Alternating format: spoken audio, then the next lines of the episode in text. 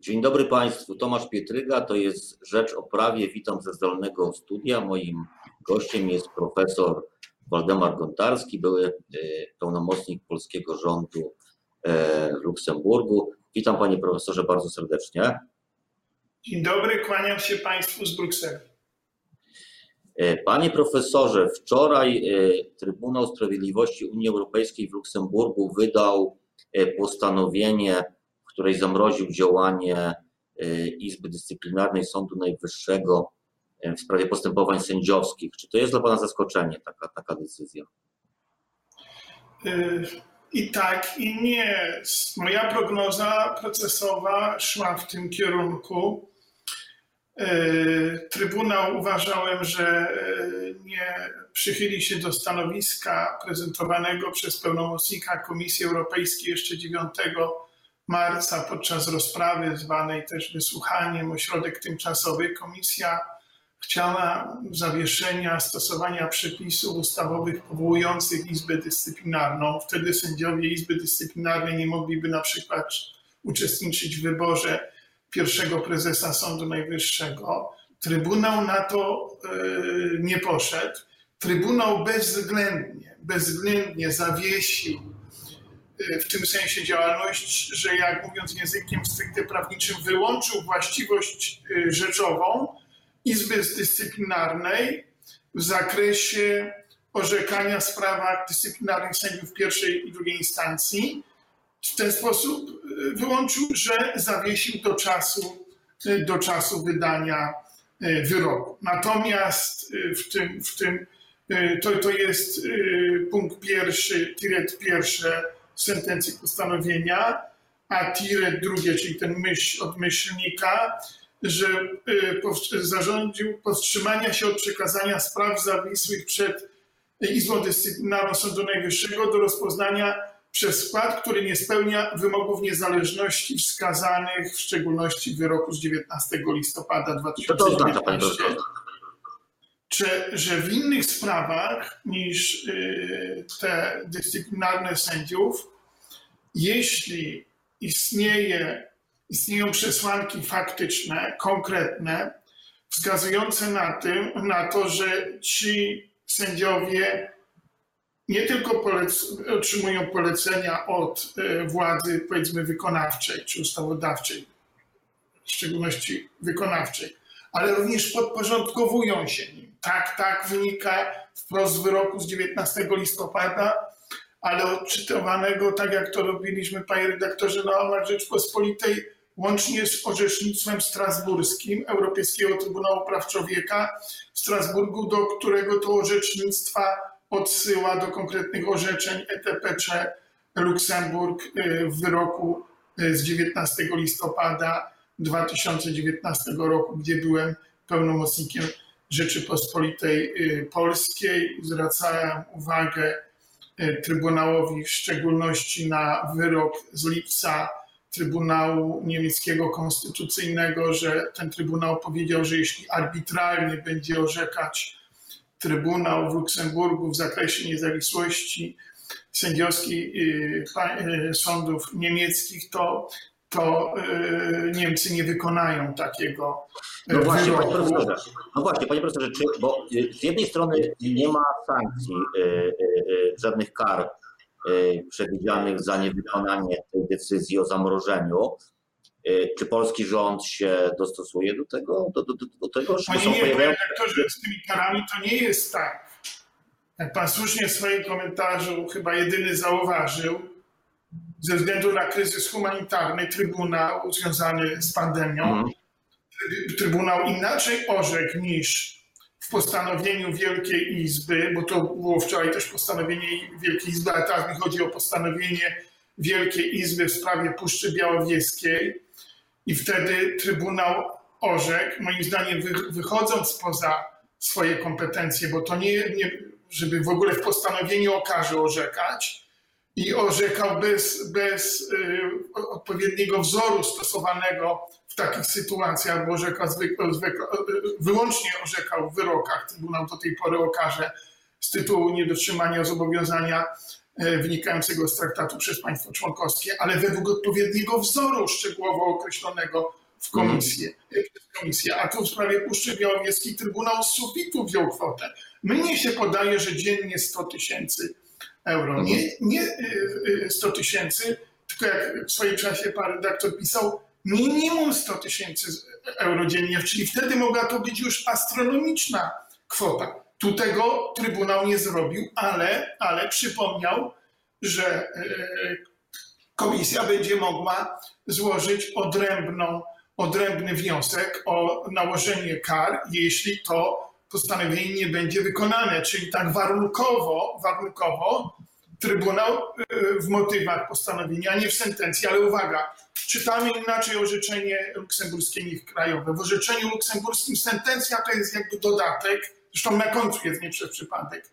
Wiele rozstrzygnięć kluczowych Trybunału zawarte jest w tym, co byśmy według naszej tradycji kontynentalnej nazwali uzasadnieniem orzeczenia, postanowienia czy wyroku, a to się nazywa w języku Trybunału Luksemburgu motywy wyroku. I w tych, w tych motywach tego postanowienia tu akurat Trybunał wyraźnie mówi, że, że, że nawiązuje do ewentualnych kar z tytułu niewykonania.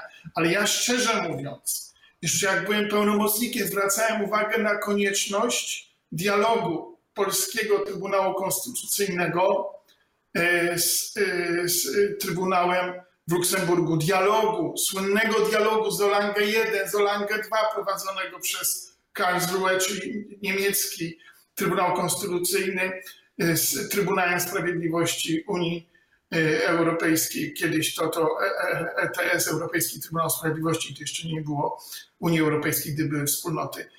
Tego nam dzisiaj potrzeba, jak kani dżdżu tego Panie, dialogu. Panie profesorze, a proszę powiedzieć, jak pan przewiduje, jak zachowa się polski, polskie władze w Warszawie? Czy będziemy teraz, bo są takie głosy bardzo krytyczne właśnie, że to jest wtrącanie się wewnętrzne sprawy Polski, że, że Trybunał nie ma podstaw traktatowych do tego. Czy to będzie honorowane, czy będzie jakaś może inicjatywa legislacyjna po epidemii, która to to zmieni, czy może pójdziemy takim, taką ścieżką niemiecką na przykład, gdzie tam ten Trybunał w Karlsruhe, jak pan wspominał, jednak starał się postawić jakąś tamę właśnie orzecznictwu czy decyzjom Trybunału w Luksemburgu. Panie, panie redaktorze, z prawnego punktu widzenia trudno mi się wypowiadać, bo to byłaby spekulacja. Ja mogę powiedzieć jako prawnik, jako doktor habilitowany nauk prawnych, mam habilitację między innymi w sprawach Unii Europejskiej, jestem profesorem. Mhm. To powiem tak, że to powinno się rozstrzygnąć w dialogu między Trybunałem Konstytucyjnym naszym. Już trzeba posługiwać się tym kadłubowym wyrokiem, chociażby z 4 marca z wniosku prezesa Izby Dyscyplinarnej. Czekamy na to zasadnicze orzeczenie Trybunału Konstytucyjnego w sprawie, w sprawie kompetencji prezydenta.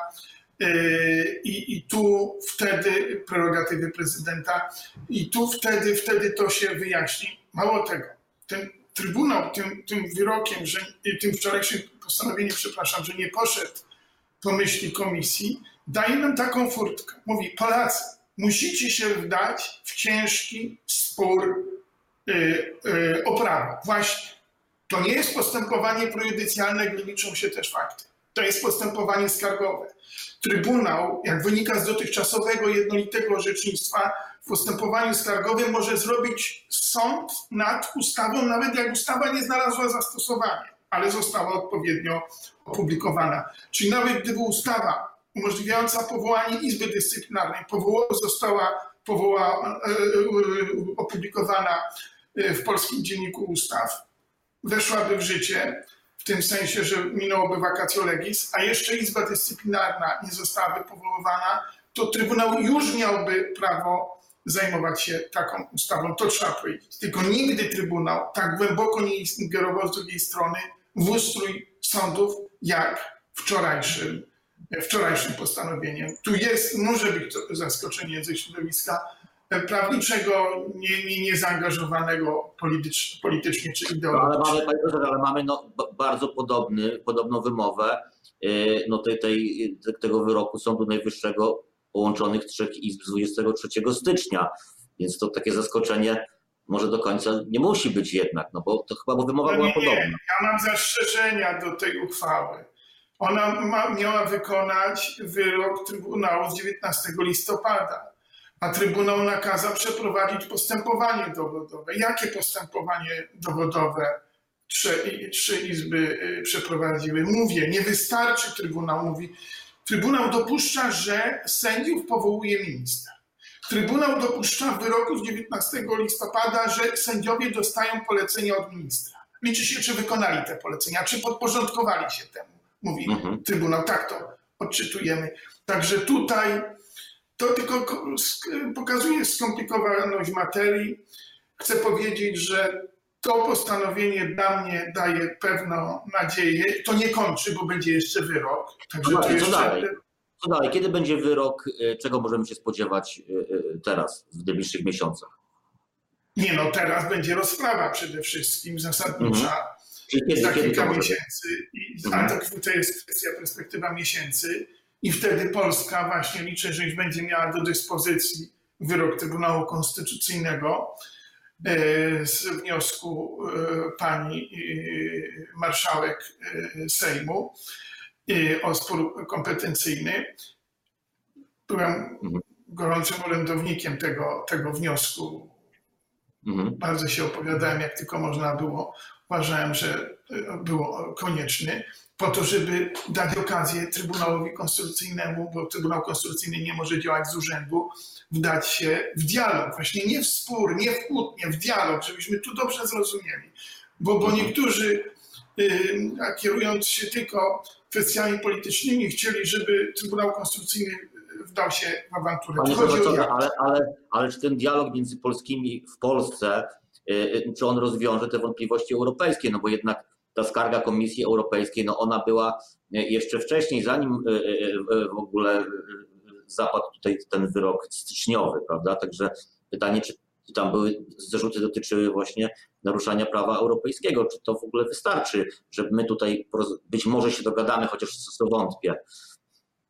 Na własny Panie redaktorze, przede wszystkim jedną z naczelnych wartości prawa Unii Europejskiej traktatowej jest tożsamość konstytucyjna państw członkowskich.